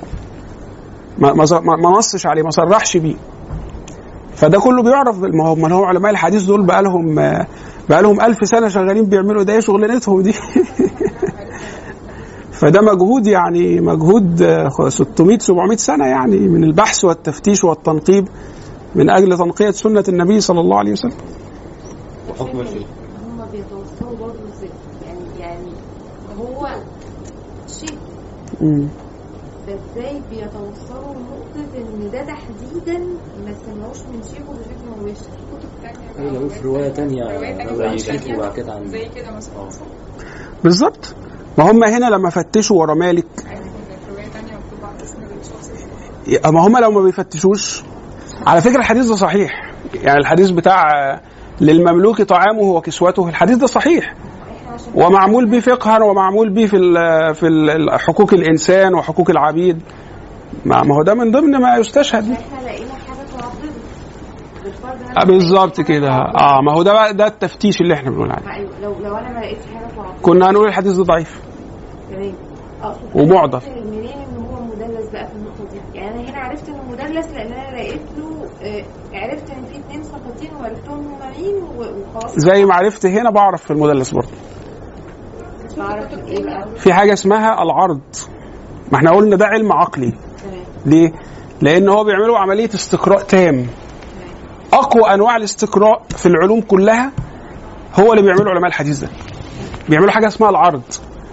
العرض ده إن هم بيقارنوا روايات كل راوي بروايات الرو- ال- ال- الرواة التانيين. وبيجمعوا يعني مثلا هو المحدثين عارفين إن في متن كده مروي عن النبي بيقول للمملوك طعامه وكسوته. هو أنت فاكرة إن هم يعني أول ما بيلاقوا آه، إسناد واحد للمتن ده وطريق واحد بيحكموا لا ده بيجمع كل الطرق التي روي بها هذا المتن عن النبي صلى الله عليه وسلم. ممكن الطرق دي توصل ل 200 300 طريق بلا مبالغة. ولذلك لما الإمام أحمد قال إني أحفظ ألف ألف حديث مليون حديث هي ال- المتون نفسها اللي وارده عن النبي ما تحصلش المليون. بس هو يقصد إن إيه؟ إنه حافظ حافظ المتون بكل الايه ال- ال- ال- الاسانيد أو الطرق اللي وردت بها عن النبي صلى الله عليه وسلم. فممكن ال- ال- المتن الواحد نلاقي له آه، زي الحديث المتواتر مثلا. فممكن المتن الواحد نلاقي له 100 طريق 50 طريق 70 طريق وهكذا. فهو المحدثين. لقى إن في متن مروي عن النبي. بيقول للمملوك طعامه وكسوته. فتش يا عم. هات لي كل الطرق وكل الأسانيد وكل الروايات. التي روي بها هذا المتن عن النبي صلى الله عليه وسلم. قارن بقى. ماشي. حط ده جنب ده جنب ده جنب ده. فبيعمل مجهود رهيب جدا وعمليات استقراء وعمليات مقارنة. عمليات المقارنة دي بتطلع كمية بيانات قد كده. إحنا عندنا يعني آلاف المجلدات في علوم الحديث. ما هي آلاف المجلدات دي جاية منين؟ من عمليات المقارنة والاستقراء والعرض ونحط ده قدام ده. فطلعوا لنا ال- ال- العلم الرهيب ده. مجهود رهيب ويطلع واحد ملوش أي لازمة في الإعلام يقول لك ده المحدثين ما أعرفش إيه. ويتكلم بكلام أصلا هو مش مش فاهم. ولا يعرف يعني إيه تدليس ولا يعرف يعني إيه صحيح ولا يعرف يعني إيه. أي واحد فيهم كده تقول له طب إيه شروط صحة الحديث الضعيف؟ إيش إيه شروط صحة الحديث؟ ولا هيعرف يجاوب. ولا هيقول لك شرط منهم حتى. هيك يعني الحديث المدلس. المفتاح اللي أنا أعرف منه إن هو مدلس. أول حاجة ببص عليها اللي هي بلغني أو عن أو اللي هي الكلمة. أول كلمة دي هي بناء عليها بقى. بقول ده يمكن يبقى مدلس أو مش مدلس. هو المحدثين كده بالتجربة أول ما بيشوفوا كلمة عن في الحديث يتحسسون مسدساتهم على طول. فيبدأ يشوف ال- المعنعن ده معروف بالتدليس ولا لا؟ مش معروف بالتدليس؟ خلاص. معروف بالت... يعني لو مالك مثلا قال عن فلان خلاص مش مش هيفتشوا ورا الإمام مالك. لكن الأعمش خلي بالك الأعمش ده ثقة. ومن أئمة الحديث وكان عنده كلب بيخوف بيه. آه، كان حاطط كلب على باب البيت عشان خاطر إيه؟ يعرف إن هو يعتكف كده ويذاكر وبتاع يعني عشان ما حدش يزعجه. آه، وكان إماما آه، مجتهدا يعني يعني من من من, من الأئمة المجتهدين يعني رحمه الله ورضي عنه يعني. ولكنه مع ذلك معروف بالتدليس. فلو الأعمش قال عن اول ما ما نلاقي الأعمش عن الأعمش بعدها كلمة عن لا نشوف لا نشوف بقى. لازم ندور هنا. لأن الأعمش معروف بالتدليس. فلا تقبل عنعنته فلو لقوا الأعمش عنه ومفيش آه، طرق تانية للحديث ده يضعفوه رغم إن الأع- الأعمش من الثقات الأثبات الأئمة. ومع ذلك يضعفوا الحديث عشان العنعنة بتاعت الأعمش دي. لأنه معروف بالتدليس. والمعروف بالتدليس لابد أن يصرح بالسماع عشان نقبل روايته. لكن لازم يقول أخبرني أو حدثني. تمام؟ حاجة. حكم المدلس اللي هو الاسلام مدلس تدليس الإسناد آه، أيوه ما هو حكمه أنه آه، ضعيف إلا إذا صرح بالسماع.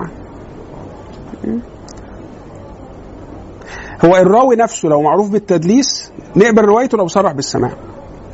لو اكتشفنا إن الحديث بقى مدلس نبدأ نشوف الطرق الأخرى. ال- الحديث المدلس آه المدلس بهذا ال- ال- الشكل آه ضعيف. المدلس بهذا الشكل ضعيف. فنبدأ نشوف الطرق التانية اللي ورد بيها عشان نتأكد إن مفيش حد إيه أو نشوف اللي واقع ده ثقة ولا مش ثقة ونفتش عن حاله ونطلع بالإيه بالحكم النهائي على إيه الحديث. تمام؟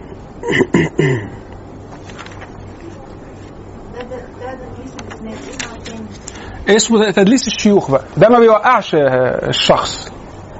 بس بيقول لنا اسم غير اسمه اللي هو مشهور بيه. يبقى هو مثلا مشهور ب بأبو عبد الله ليه كنيتين لأن كان زمان بيكنوا ال- فهو له كنيتان أبو عبد الله وأبو حامد. بس هو مشهور ب- بأبو عبد الله فيقول لنا وحدثني أبو حامد. مين يا عم؟ إيه أبو حامد؟ ما نعرفش إحنا أبو حامد ده مين. فنفتكر إن هو بيقول له على حد مجهول. أتاريه بيقول على أبو عبد الله اللي إحنا عارفينه دوت وراجل تمام وثقة وكل حاجة بس هو إيه؟ بدل أبو عبد الله قال لنا أبو إيه؟ أبو حامد. فده تدليس الشيوخ تمام؟ ولذلك قال لك إيه؟ والثاني لا يسقط والثاني لا يسقطه لكن يصف أوصافه بما به لا ينعرف. يعني هو ما وقعش الشخص نفسه بس وصفه بوصف إحنا ما نعرفوش. هو ي- يذكر شيخه بوصف غير مشهور عن هذا الشيخ طب ده إيه المغزى منه يعني؟ هو ليه ليه عمل كده مثلا؟ آه، والله آه، بيختلف بيختلف بحسب بقى إيه ال- ال- ال- ال- ال- الداعي أو الباعث. ممكن مثلا يكون آه، شيخه ده صغير في السن مثلا يعني وهو بيس- بيسموها رواية الأكابر عن الأصاغر. رواية الأكابر عن الأصاغر. رواية الأكابر عن الأصاغر إن واحد بيروي عن حد أصغر منه في السن. زي مثلا الإمام الزهري. الإمام الزهري اللي, اللي علمه في الكتاب الم- المؤدب بيسموه المؤدب. كان في منصب منصب زمان اسمه المؤدب يعني. اللي هو شيخ الكتاب دلوقتي بس كان حاجة يعني أرقى شوية. فكان شيخه اللي علمه صالح بن كيسان. بس الزهري بقى إمام في الحديث وصالح بن كيسان إمام في الحديث. بس منزلة ال- ال- ال- الزهري في الحديث أعلى من منزلة صالح بن كيسان.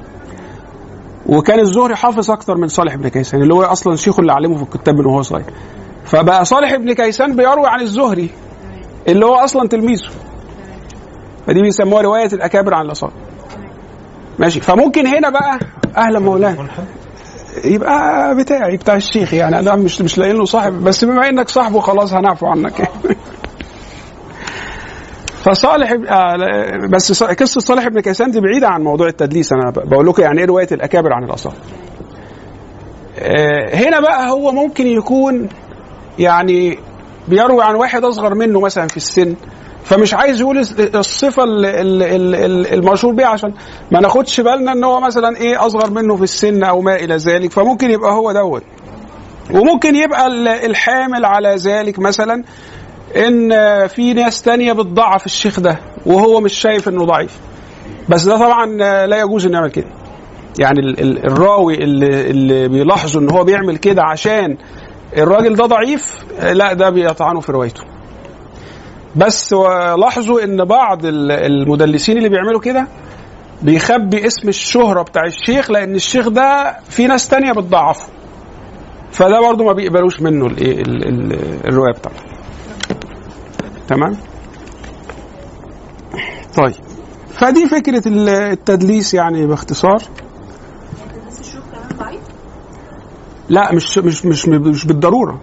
يعني تدليس الشيوخ بالصورة الشائعة اللي هو بي بي بيغير اسم الشيخ بس الشيخ ده ثقة؟ لا مش مش ضعيف مش هيضعف الحديث. ضعف في الإسناد مش ولا حتى في الاسلام تدليس الإسناد. تدليس الإسناد ده لأن في واحد واقع. فده يبقى يبقى الحديث المدلس بتدليس الإسناد بيبقى ضعيف لأن في حد وقع. إلى أن نع- نعرف من هو الذي وقع. فهو ضعيف إلى أن نجد طريقا آخر نعرف منه مين اللي وقع ونفتش في حاله. تدليس الشيوخ لا ما ما فيهوش ضعف. أدام إن الشيخ ده ثقة. ادام الشيخ اللي هو مخبي آه، اسمه الشو اسم الشهره بتاعه. ادام الشيخ ده ثقة يبقى خلاص مش مش هنضعف الحديث. لو لو الشيخ ده ثقة الحديث صحيح. لو الشيخ ده ضعيف الحديث ضعيف. فلو لقينا إن هو مخبي اسمه لأن الشيخ ده ضعيف هنضعف الحديث. مخبي اسمه الحقيقي يعني هو مشهور يعني هو الاسم التاني برضه حقيقي هو في مثال اللي هو بتاع آه، أبي أبو بكر بن مجاهد قال حدثنا عبد الله بن أبي عبد الله. هو اسمه هو اسمه عبد الله ابن أبي السجستاني. اسم الشهرة بتاعه عبد الله ابن أبي السجستاني. السجستاني من سجستان. سجستان دي حتة في بلاد ما وراء النهر اللي هي إيران وأفغانستان دلوقتي. وكان منها الإمام أبو داود أبو داود السجستاني. فكان في واحد من الرواة اسمه أبو عبد الله السجستاني.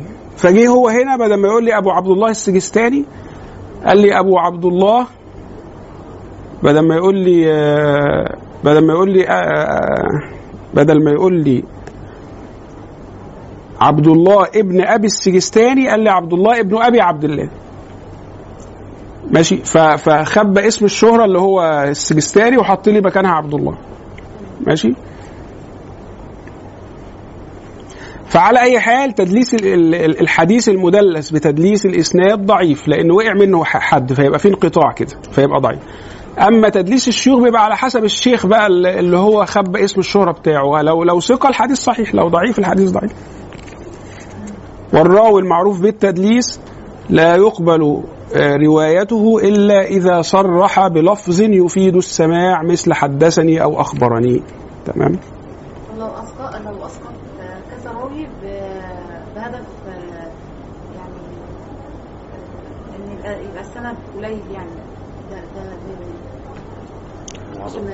الاسناد طويل ممكن يكون ده حامل آه، على إسقاط الرواة. ومع ذلك آه، ال- الإسناد دوت هيضعفوه المحدثين. يعني الإسناد اللي حصل فيه كده المح- المحدثين هيحكموا عليه بإنه إسناد ضعيف. حتى لو هو شايف إن الناس اللي وقعهم مش مش ضعفاء. بس إحنا ملناش دعوة هو شايف إيه. لينا دعوة باللي إحنا هنستنتجه لما ندرس ال- الإسناد. لكن على أي حال المحدثون لا يستعجلون في الحكم إلا بعد جمع الروايات المختلفة التي روي بها المتن عن النبي صلى الله عليه وسلم.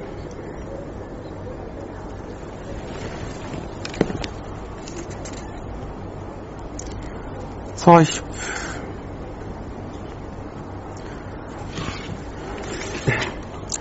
وما أتى مدلسا نوعان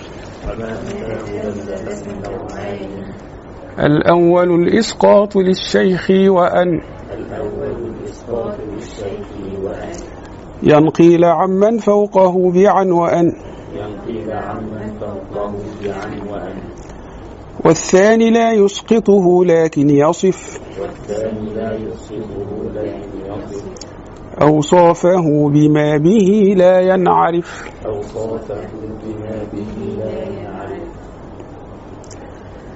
طيب نخش على الشذ والمقلوب ولا نقلبكم لحد كده؟ طيب. وما يخالف ثقة فيه الملأ. فالشاذ والمقلوب قسمان تلا.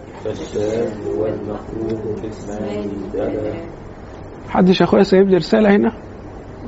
بقول محدش سايب لي رسالة هنا؟ لا أفكار جميلة والله الواحد بيشوفها في هذا المكان الطيب يعني. أفكار آه، تؤلف القلوب. جزا الله خيرا من آه، يسن هذه السنن ال- الحسنة. نعم؟ آه لا فكرة جميلة والله أعجبتني جدا يعني. طيب. وما يخالف ثقة فيه الملأ. وما يخالف ثقة فيه الملأ. فالشاذ والمقلوب قسمان تلا. فالشاذ والمقلوب قسمان تلا. إبدال راو ما براو قسم. إبدال راو ما براو قسم. وقلب إسناد لمتن قسم. وقلب إسناد لمتن قسم. دول مصطلحين من مصطلحات الحديث الشاذ والمقلوب. أظن الشاذ خدناه قبل كده اللي هو إيه؟ أه مخالفة الثقة لمن هو أوثق منه أو مخالفة الراوي عموما لمن هو أوثق منه ماشي؟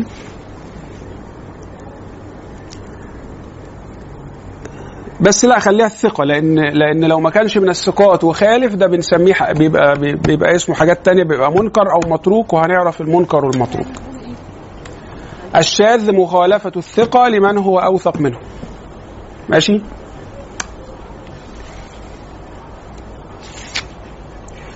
فأنا بلاقي عندي واحد ثقة المفروض إن حديثه صحيح. ومع ذلك أروح مضاعف حديثه. مش سايبين حد في حاله المحدثين دول. ليه؟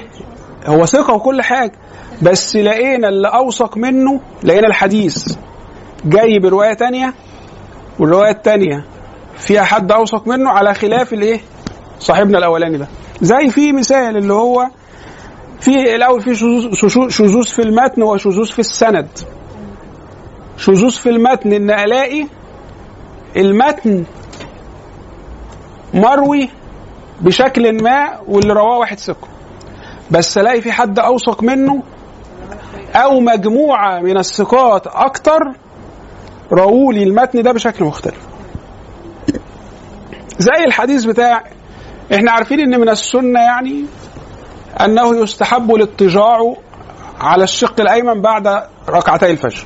يعني من السنة أن الواحد بعد ما يصلي آه، السنة بتاعة الفجر يضطجع قليلا. هي طبعا لها حكمة يعني إن النبي صلى الله عليه وسلم كان يتعب نفسه في قيام الليل. فكان إذا أذن الفجر يبادر بإيه؟ بصلاة السنة في البيت. وطبعا هو كان تعب نفسه قبلها في قيام الليل فيروح إيه؟ ينام على جنبه الأيمن الشريف استراحة بحيث يقوم يصلي الفجر بالناس. دي الحكمة بتاعتها يعني. يعني ده قبل قبل الفرض. آه. يعني كان يصلي ركعتين السنة ويضطجع قليلا على شقه الأيمن بس ما يروحش في النوم طبعا. وإن كان الأنبياء أصلا نومهم لا يبطل الوضوء يعني على أي حال. لأن النبي سأل لأن الأنبياء تموت آه، تموت استغفر الله. لأن الأنبياء تنام عيونهم ولا تنام قلوبهم. فنوم النبي لا ينقض الوضوء. آه. لكن إحنا آه، برضو من السنة يعني اتباعا للنبي صلى الله عليه وسلم أن نضطجع قليلا بعد أداء ركعتي إيه؟ سنة الإيه؟ الفجر. آه، حتى لو ما قمناش الليل يعني برضو إيه؟ يعني محافظة على هدي النبي صلى الله عليه وسلم. فعندي الحديث بتاع اضطجاع النبي على شقه الأيمن بعد ركعتي الفجر هو الصحيح فيه أنه من فعل النبي صلى الله عليه وسلم. يعني هو النبي ما قالناش كده بفمه الشريف اضطجعوا بعد ركعتي السنة ولكن نو... آه، سنة فعلية. ولكن نقل عنه صلى الله عليه وسلم أنه كان إذا صلى ركعتي الفجر يضطجع على شقه الأيمن. ماشي؟ وهذه هي بيسموها الر- ال- الرواية المحفوظة. ماشي؟ آه، المحفوظ اللي هو يعني خلاف الشاذ لقينا بقى رواية رواها أبو داود وغيره من حديث عبد الواحد بن زياد عن الأعمش عن أبي صالح عن أبي هريرة رضي الله عنه مرفوعا مرفوعا يعني إيه؟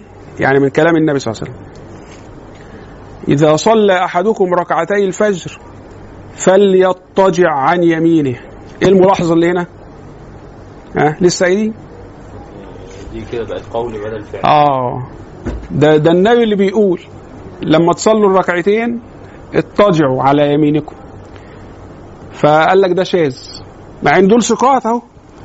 يعني عبد الواحد بن زياد ثقة والأعمش ثقة لسه قايلين عليه أهو. ماشي وأبو صالح ثقة. وأبو هريرة طبعا ده يعني رضي الله عنه. بس لقينا مشكلة. لقينا مشكلة. إن هنا الحديث من من قول النبي صلى الله عليه وسلم. والمحفوظ روايته من فعل النبي صلى الله عليه وسلم. آه. جات المشكلة من مين؟ إن عبد الواحد بن زياد انفرد بهذه الرواية. يعني عبد الواحد بن زياد روى هذا باعتباره من من قول النبي صلى الله عليه وسلم. ولكن بقية الثقات اللي هم أكثر عددا من عبد الواحد بن زياد ها رووه من إيه؟ من فعل النبي صلى الله عليه وسلم. فلقينا ثقة روايته مخالفة لرواية من هو أوثق منه لأن هم عددهم أكبر التانيين اللي خلوه من فعل النبي صلى الله عليه وسلم. فقلنا على رواية عبد الواحد بن زياد اللي خلاها من كلام النبي قلنا عليها شاذ ليه؟ لأنها مخالفة لرواية بقية الثقات اللي هم رووها باعتبارها من فعل النبي صلى الله عليه وسلم. فده اسمه شذوذ في المتن؟ آه، كان النبي صلى الله عليه وسلم إذا صلى ركعتي الفجر اضطجع عن يمينه. مش قال رسول الله اضطجعوا بعد ركعتي الفجر. كان يفعل كذا. يبقى دي سنة إيه؟ اسمها إيه؟ فعلية مش قولية. لكن عبد الواحد بن زياد خلاها سنة قولية. هو طبعا مش خلاها يعني هو توهم الثقة قد يقع في الوهم أو الخطأ يعني. وهذا لابد منه يعني. وهذا برضه مما إيه يستغل أعداء يعني هؤلاء الجهال. يقول لك ما مصر ما, ما اللي يضمني ما يمكن يكون ما طب ما أي إنسان معرض للخطأ يعني. وكان من فوائد هذا العلم الشريف بيان الأخطاء والأوهام التي وقع فيها بعض الرواه الثقات زي عبد الواحد بن يحيى هنا ابن زياد أنا آسف. راجل ثقة وكل حاجة ولكن يا سيدي آه، آه، مع أي حد مهما كانت عدالته ومهما كان صدقه وإيمانه وتقواه آه، لابد في كلامه ولو بنسبة يعني واحد في المليون إن, يقع وهم دور علم الحديث يطلع لنا الأوهام التي وقع فيها بعض الرواة حتى لو كانوا من الثقات. وهذا هو الذي فعله هؤلاء الأئمة الأكابر. رضي الله عنهم. فده شذوذ في المعنى في بقى شذوذ في السند. شذوذ في السند إن هو يحط لي راوي زيادة بقى. أو يحط لي واحد مكان واحد. يحط لي واحد مكان واحد. زي رواية حماد بن زيد عن عمرو بن دينار عن عوسجة. عوسجة ده من تلاميذ سيدنا عبد الله بن عباس. وكان مولا لابن عباس يعني يعني سيدنا ابن ابن عباس كان عبدا واعتقه ابن عباس. فهنا حماد بن زيد عن عمرو بن بن دينار عن عوسجة نكتبها لكم حتى عشان برضو نلاحظ الايه. طيب خلوا المثال ده دلوقتي لأن أنا شايف إن المثال ده كده فيه مشكلة. أصل هي هتبقى مشكلته على حسب ما أورده الشيخ هنا. تبقى مشكلته إن هو هيبقى الحديث مرسل. إذا عوسجة يبقى مرسل.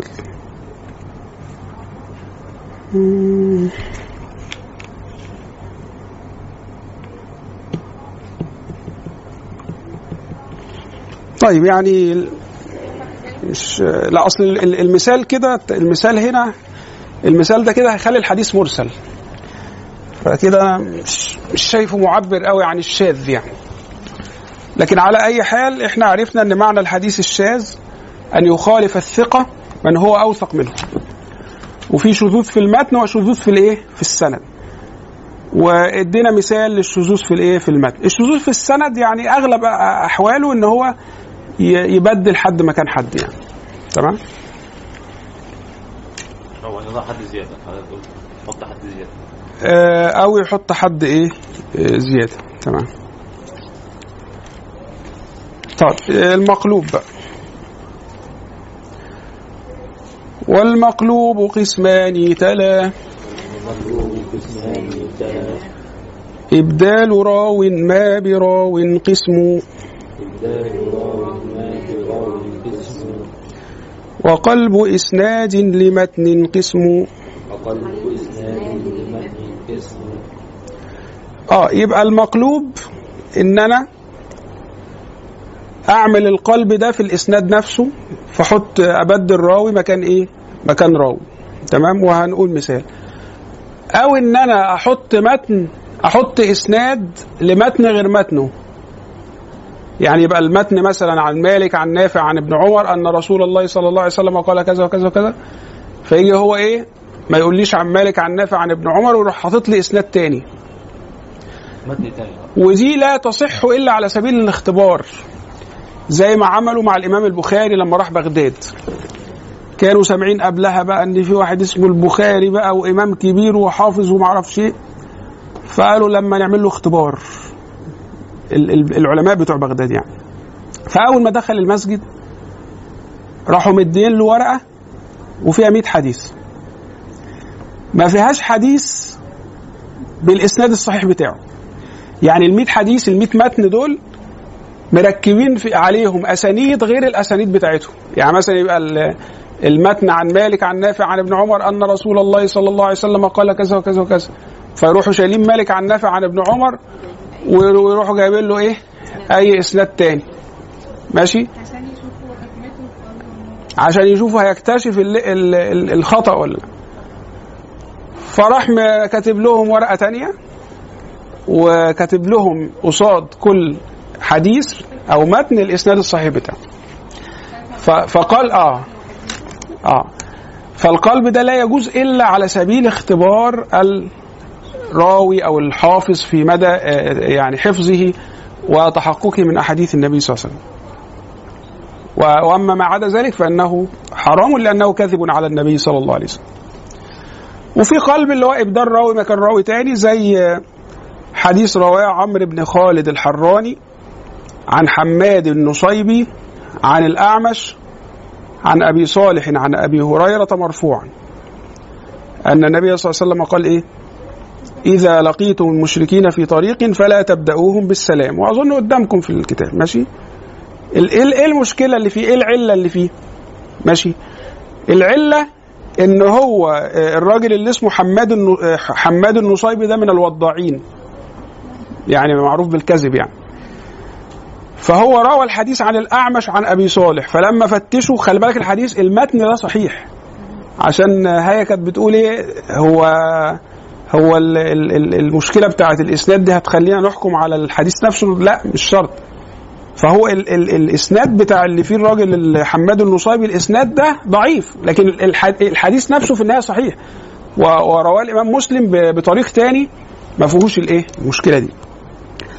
فهنا حماد النصيبي روى الحديث عن الأعمش عن أبي صالح عن أبي هريرة. الرواية الصحيحة بقى أو الإسناد الصحيح ما فيهوش اولا حماد النصيبي لأن حماد النصيبي ده لما ليه في أي إسناد هنضعفه لأنه راجل وضاع وك وكمان مش مش عن الأعمش عن أبي صالح لا ده عن سهيل ابن أبي صالح عن أبيه اللي هو أبو صالح. فهي آه، ده مثال للقلب إن هو شال سهيل بن أبي صالح وحط مكانه الايه الأعمش. لكن الصحيح أنه عن سهيل بن أبي صالح عن أبي صالح عن أبي هريرة. تمام؟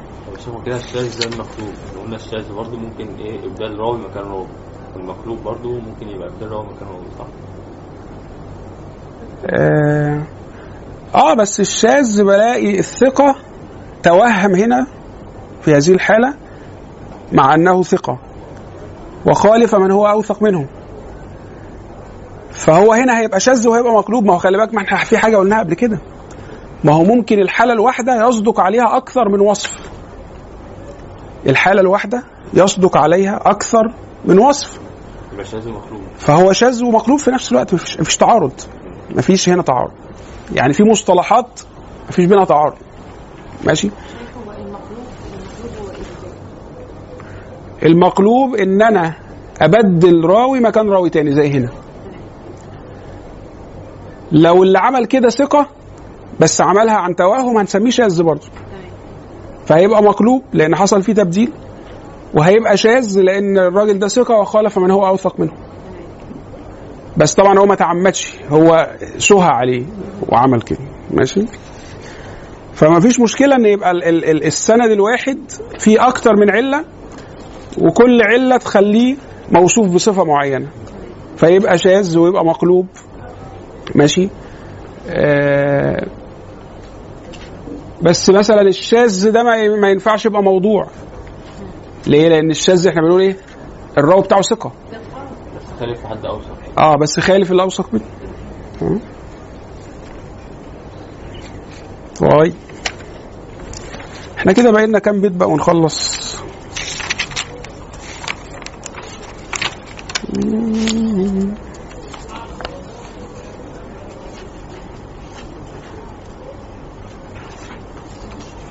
أربعة. لا هم عشرة لأن آخر بيتين وقد أتت كالجوهر المكنون ده إيه يعني مش مش ما فيهمش مصطلحات يعني. ده بيختم كده ختامه مثل فإحنا فاضل لنا عشرة اللي هم فيهم المصطلحات يعني.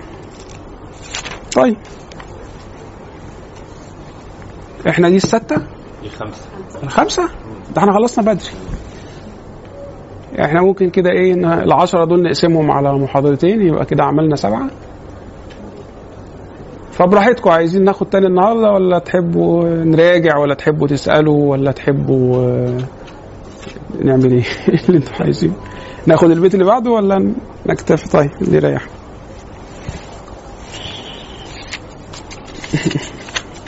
المنظومه اللي بعدها دي إيه؟ منظومه زيها آه، دي منظومة الإمام الإلبيري.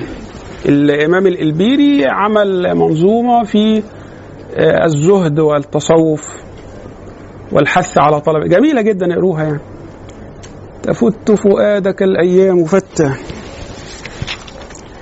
وتنحت جسمك الساعات نحتا ده كان اللي أول حد لفت نظري إليها كان الشيخ عثمان وقيع الله. وكان آه، صديقا لي كان يدرس معنا في كلية الشريعة بس هو كان شريعة إسلامية وأنا شريعة وقانون. وكان يحضر معنا في الجامع الأزهر الشريف على المشايخ بس هو كان هو كان مالكيا كعادة أهل السودان يعني. فهو أول من نصحني بقراءتها وحفظها يعني. وأنا قرأتها كاملة ولكني لم أحفظها إلى الآن يعني. وأتمنى أن يعينني الله عز وجل على حفظها فهي جديرة بأن تحفظ يعني. ومن حفظها منكم فليخبرني فإن له مكافأة إن شاء الله. هنا تحب عرسا ده اللي هي يعني مثلا زوجة أو واحدة عايزة يتجوزها أو كده يعني.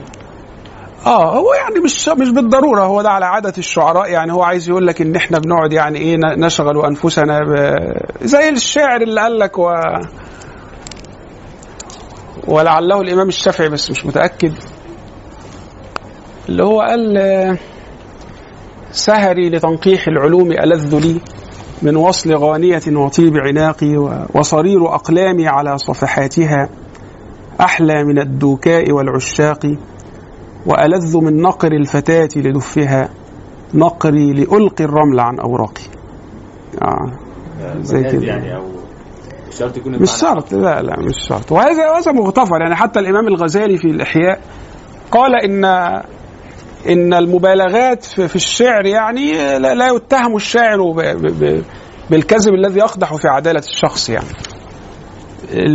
لأن باب المجاز وا- واسع يعني. فاعتبر إن هذا من الكذب ال- المباح في الشريعة.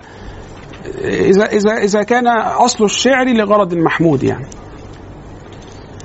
وكان برضو البيت الثاني بتاع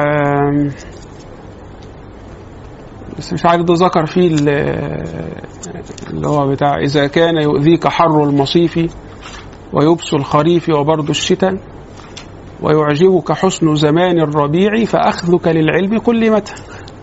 في الشتاء أنا بردان أما الدفى. في الصيف أنا حران لما أجيب التكييف أبقى أذاكر تحت التكييف. يبقى يا حبيبي طيب. وفي الربيع بقى عايزين نروح آه، نحضر موسم حصاد ال- البلح اللي عاملين الايفنت عنه ده. وفي الخريف آه، أصل الجو بيبقى يابس يعني. ماشي. بس ده ما ذكرش في هذا المنحى من ال- الانشغال يعني. لكن على أي حال هو يتكلم عن آه، إن الإنسان يتعلق بأسباب واهيه وينشغل بها عن معالي الأمور يعني. فجميل عايزين نقرأها مع بعض بعد كده مفيش مشكلة يعني. تحت امرك ده سهله مش مفهومه يعني. آه جميله جدا فقوت الروح أرواح المعاني وليس بأن طعمت ولا شربت يعني. زاد طالب العلم الحقيقي أن يغذي نفسه بالمعاني الشريفة. هذا هو قوت الروح وال- وال- والعقل والنفس الشريفه التي تطمح إلى معالي الأمور. طيب نخش على البيت اللي بعده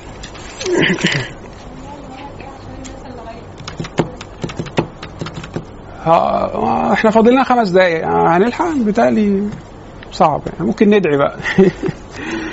أو نقرأ آه نقرأ بيتين كده من المنظومة بتاع الألبيري.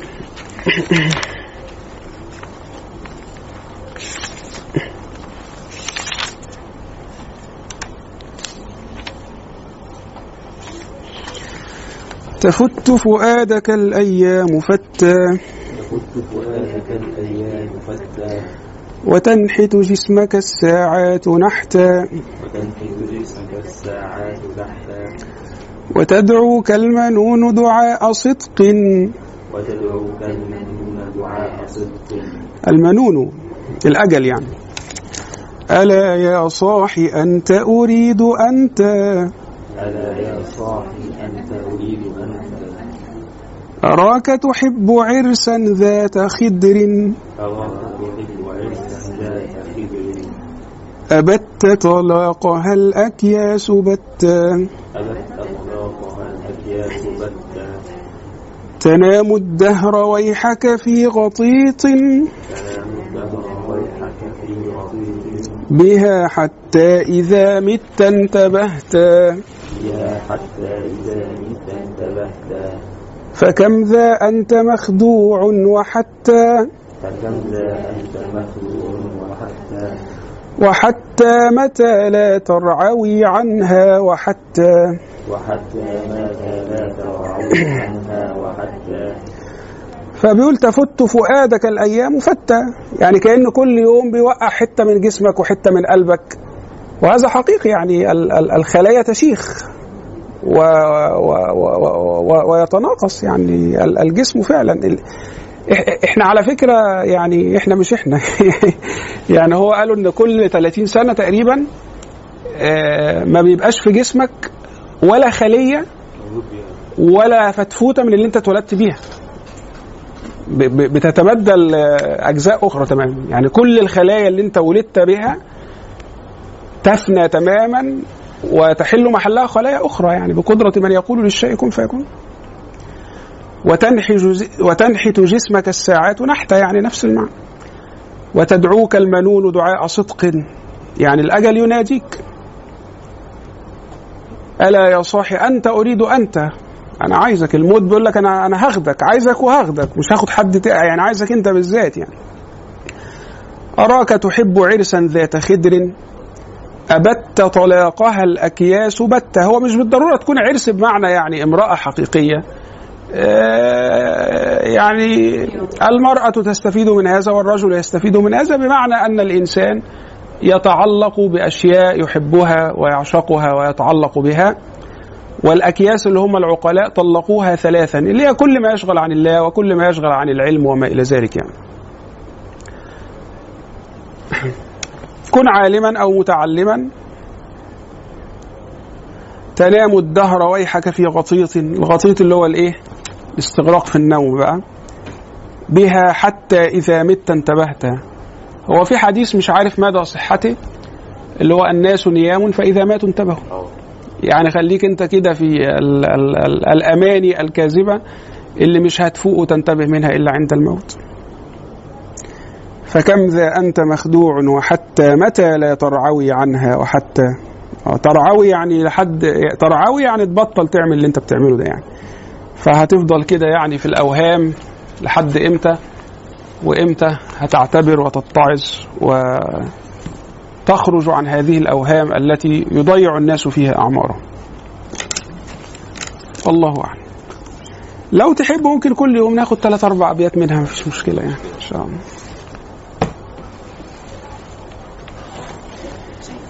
دي برضو عشان تبقوا عارفين الإجازات برضو يعني انظر فيها وأمرها على إخوانك وأخواتك.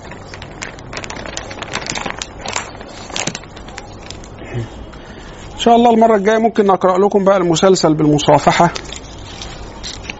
فهو من أجمل الأحاديث المسلسلة يعني.